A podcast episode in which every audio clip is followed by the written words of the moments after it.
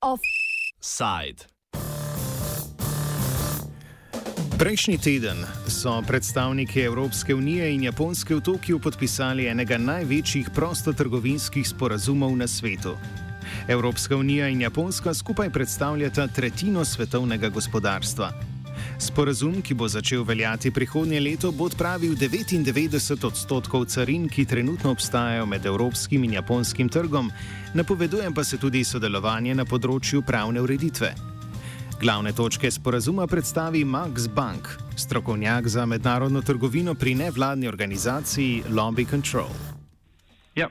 Um, the EU-Japan trade agreement is, um, of course, a trade agreement that covers taxes, um, for instance, in the automotive sector, but also in agriculture. Um, that is one thing. But uh, the most important thing that it covers um, is um, non tariff barriers. So that's primarily about regulations and standards, right? And um, EU Japan trade agreement is uh, one of those 21st century agreements like the CETA agreement with Canada that tries to, um, yeah, um, find ways to harmonize regulations and standards between um, two trade blocks. And this is also true for EU Japan. Um, and that's that's why you have um, mechanism in this mechanisms in these agreements um, that cover um, the harmonization of standards.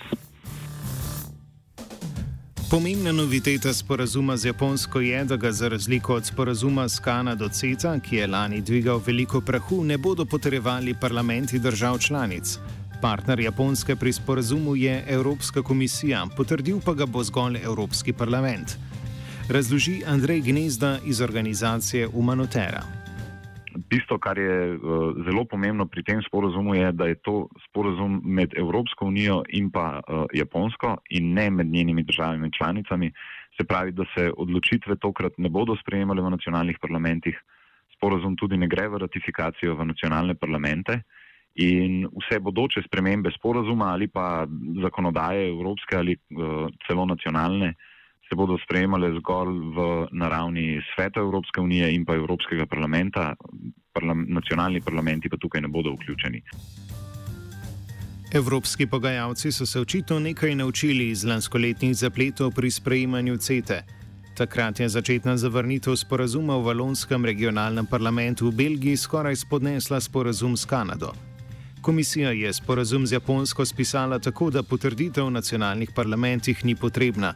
Najpomembnejša je izključitev mehanizma ali posebnega sodišča za razvrševanje pritožb investitorjev IDSD ali ICS.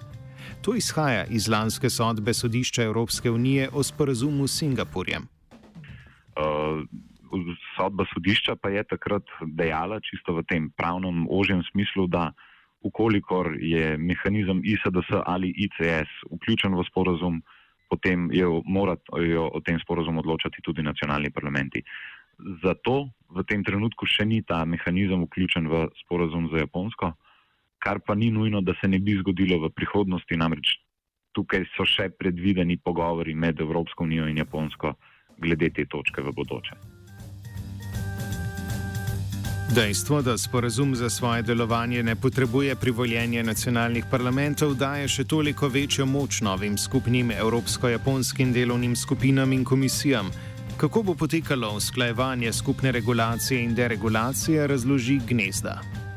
Uh, sporazum ustanavlja ta tako imenovani skupni odbor, ki bo imel uh, pooblastilo oziroma možnost sprejemanja odločitev, ki bodo zavezujoče za podpisnice in podpisnice bodo morale izvesti vse potrebne korake, da se te odločitve tudi implementirajo v praksi. Potem pa sam sporozum ustanavlja še kar precej eh, različnih specifičnih odborov, eden izmed njih naprimer za regulatorno sodelovanje, pa potem za uh, trgovino z dobrinami, pa glede uh, storitev in investicij vsega skupaj govorimo o crka desetih, enajstih uh, sektorskih odborih, ki so poleg tega skupnega odbora. Potem pa so tukaj še delovne skupine in tako dalje. Tako da tukaj kopica nekih novih odborov nastaja s tem sporazumom. Kot pojasnjuje Max Bank, se pri teh mednarodnih odborih odpira veliko priložnosti za nepregleden vpliv korporacij. This is basically about strengthening the influence of corporate lobbyists on both sides in Japan and the EU because there will be new uh, committees, international committees between trade policy experts on both sides and influence from lobbyists that will talk about future regulations and um, also their implementation on both sides, right, in order to harmonize them. And that's really problematic, I would say, because um, um, these international fora, these committees, um, they are not uh, within public scrutiny, so to say, um, and there will be a lot of work done on regulations, for instance, for the EU, that is not dealt with parliaments in the first place, but with trade uh, bureaucrats and lobbyists, first of all. Pomembno področje, ki ni vključeno v sporazum, je vprašanje prometa z osebnimi podatki, razlaga bank.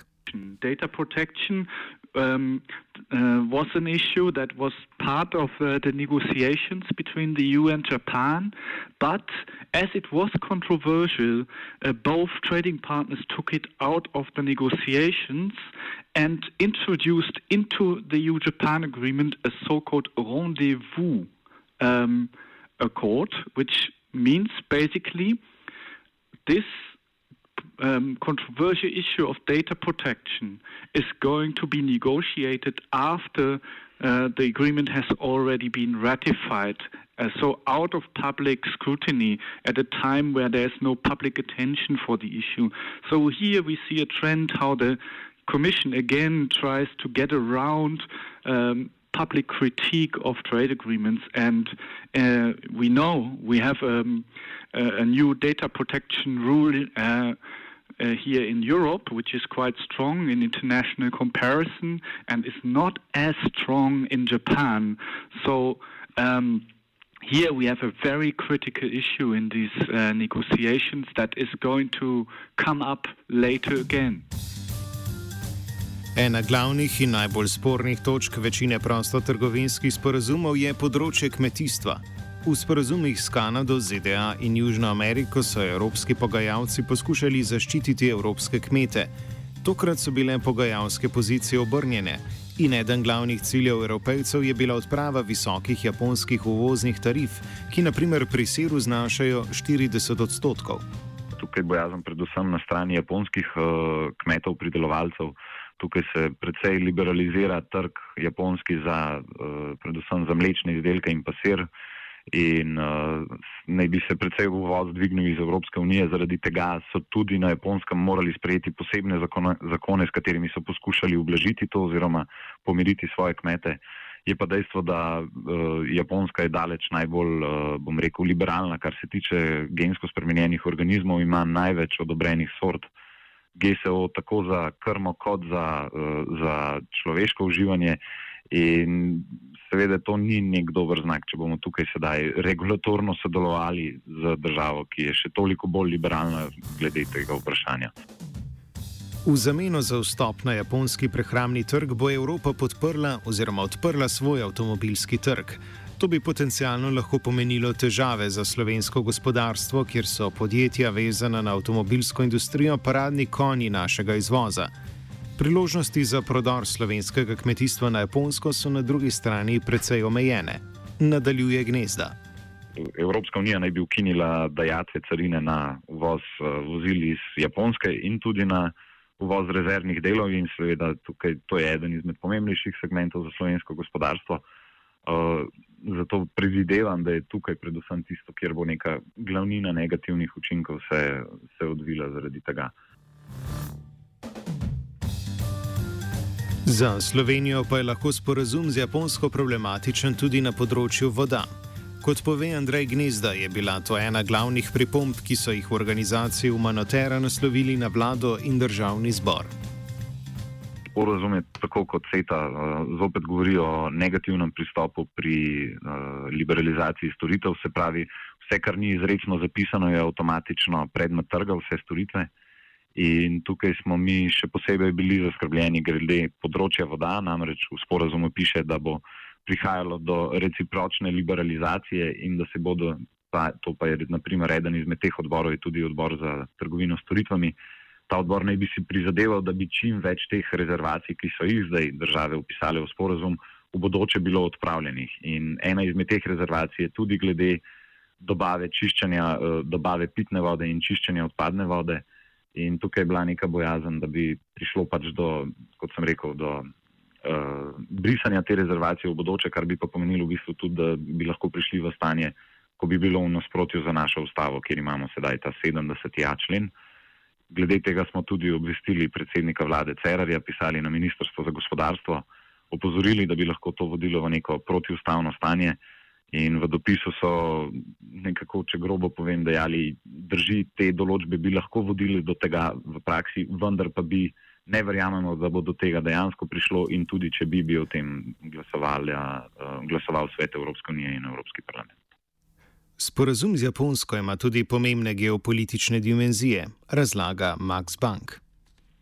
The the EU-Japan agreement uh, plays a very significant role also in geopolitical questions, right? So I would say um, EU-Japan comes in, and its ratification comes in in a point of crisis where we have um, a lot of uh, talk around, around the so-called trade war between the US and the EU, and where the EU and uh, especially export oriented economies in Europe, like uh, Germany, want to uh, show clear signals of yeah, pushing free trade across the globe. And uh, that's what uh, EU Japan stands for. In that sense, it's also a blueprint um, for other trade agreements with New Zealand, with Australia, in the sense that they will try to negotiate uh, similar deals with these um, uh, trading partners. Evropa in Japonska sta izkoristili poskus medsebojnega prostotrgovinskega sporazuma v svojih državah, da vzpostavita kontrast z novo ameriško protekcionistično držo ameriškega predsednika Donalda Trumpa. Offside zaključuje Max Bank. there was a lot of critique of um, agreements such as the one with the US, uh, the TTIP agreement, or the CETA agreement with uh, Canada in the last few years. Now, this critique has almost vanished or uh, been reduced to a minimum since the EU, uh, the EU Commission, but also major governments such as the German government try to legitimize their liberalization agenda uh, with the Trumpist protectionism. Um, at the same time, um, you can see that the EU is is not an actor that is not using protectionist measures around the world. Right? They are using protectionist measure, measures, and uh, not like Trump, of course. Uh, there's a different rhetoric that Donald Trump is using in trade policy. It's quite aggressive and it's uh, new so to say. But at the same time, we see uh, an EU Commission that uh, uses really to, uh, it, this this um, this protectionist rhetoric uh, um, to legitimize their neoliberal trade agenda. Offside je pripravil Gal.